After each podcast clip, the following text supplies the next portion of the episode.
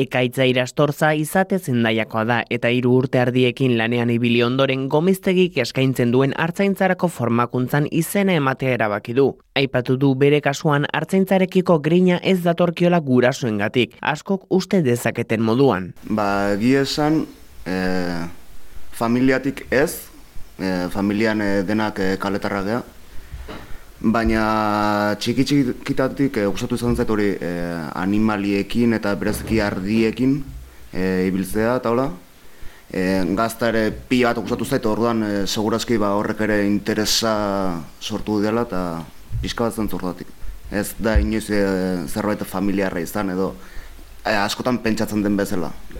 Duela aspaldi izan zuen gomiztegiko hartzain eskolaren berri. Hala ere uste du orain izan dela momentua proposena bertara joateko hainbat arrazoi direla eta erabakiaren zergatia azaldu du.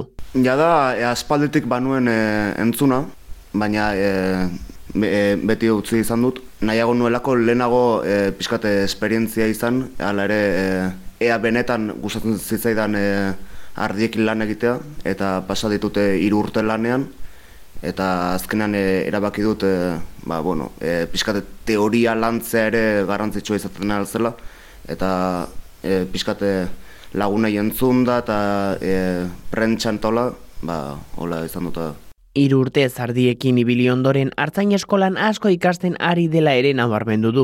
Gauzak nola egin baino zergatik edo zertarako egin behar diren ikasten ari dela azpimarratu du.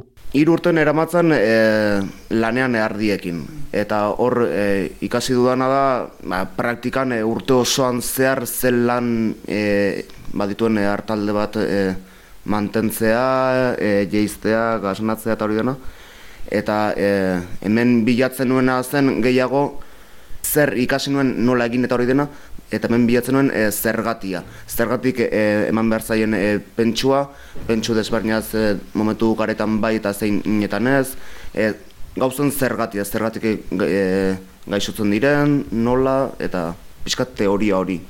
Gainera, gomiztagiko eskolan teoria eta praktikaren uztarketa nola burutzen duten azaldu du? Ba, kurtsoan zer, eh, hasiera e, hasiera batean e, bideratzen da gehiago kurtsoaren hasiera e, teoria, e, oinarrezko teoria e, ardi baten gaixotasunak, elikadura motak, e, zelaien gestioak nola izan daitezken eta beste, adibide desberniekin, eta pixkanaka pixkanaka e, uztartzen e, juten da e, praktikara.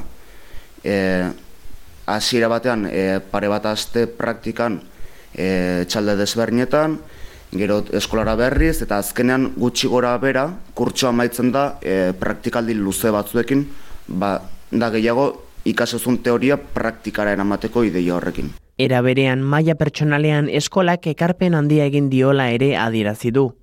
Bai, nire ustez e, interesgarria da. Ikusteko e, badirela esperientzia gehiago Euskal Herri mailan eta e, harremantzeko ere garrantzitsua irutzen zate nekazal eta beltzentzan munduan e, Euskal Herrian gerozta gutxiago gaude, ere maten ari diren politikengatik, gerozta zailagoa da, eta irutzen zate gelditzen garen non artean edo e, mundu honetan jarretu nahi dugun artean harremantzea oso garrantzitsua irutzen zait eta e, hori aportazio oso handia izan da. Aipatu duen moduan politikaren esku hartzeak garrantzi handia du hartzaintzaren hogei bidearen etorkizunean. Trukerako txampon gisa sentitzen direla dio eta etorkizunan nola irudikatzen duen azaldu du.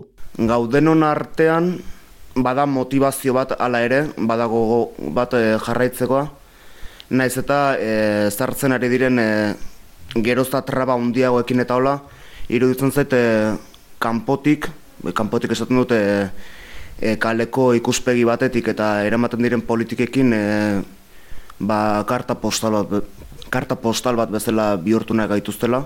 Ez dute desagertarazi nahi, ba, interesatzen zailako tolosako babarrunak, e, idiazabal denominazioa eta olako gauzak mantentzea, baina hori, azkenean e, eramaten diren politikekin horrela jarraitu ezkero, karta postal bat bezala ikusten dut. Egoera honen aurrean konponbidea hiritarren eta beltzainen arteko koesioan egon daitekela babesten du. Nere ustez falta dena da e, kaletarren eta nekazal munduaren arteko harreman bat. e, ikustea ze egoeretan dagoen e, bai e, laborantza mundua, eta baita e, laborantza mundutik falta dena e, gerozta gehiago ikusten dute, baina falta da e, iritarren e, filosofia zein den, eta falta den, dena da e, koesio bat. Ulertzea, e, e, nekazalri batek e, burokratizatu ezkero gerozta gehiago, ba, e, ze arazo bat dituen. E, ba, e, falta da ez da hori. Ekaitza irastorzak amaitzeko etorkizuneko hartzainak formakuntzan parte hartzera animatzen ditu, eta bere arrazoiak eman ditu. Zalantzak baldin baditu, nire ustez e, zergatik etorri beharko luke zalantza hori kargetzeko. E, azkenan, e, eta ez da bakarrik e, laborantza mundura pauso ematea, egia da, e, da kanpotik dagoen ikuspuntutik, ba, eta bertan ere ikusten da e, nahiko lan lotua izan daitekena, bentsat e, ulertu ezan ea benetan hau nahi duen. Eta e, nahi izateko, eta esaten dut maia pertsonaletik, e, nik e, erabaki nuen e, eskolara etortzea, e, urteko esperientza bat banuelako, eta bertan ikusi nuelako, ea benetan nahi nuen hau edo ez. E, eta ez duzu inoiz erabakiko e, ea hori nahi duzun edo ez, benetan praktikan jartzen ez bain badezu. Eta horrela motibatuko nuken nik behintzat. Bukatzeko irastorzak etorkizunan bere buruan non ikusten duen eta bere helburuen aurrean turismoak egin diezaioken kaltea azaldu du. Nik ikusten dudana edo nahiko nukena da e, endaiarran nahi zenez, ba, endaia urruña biriatu inguruko e, eskualde horretan, e, iruditzen zaite ala ere ez eta e, turismoak kaltea handia egin duen egiten duen eta horrela jarretuzkero egingo duen. Iruditzen zaite ala ere e, bakoitza bere tokian e, baduela zer egin. Eta nik han ikusten dut e, laborantzan e, eta ardiekin tartean.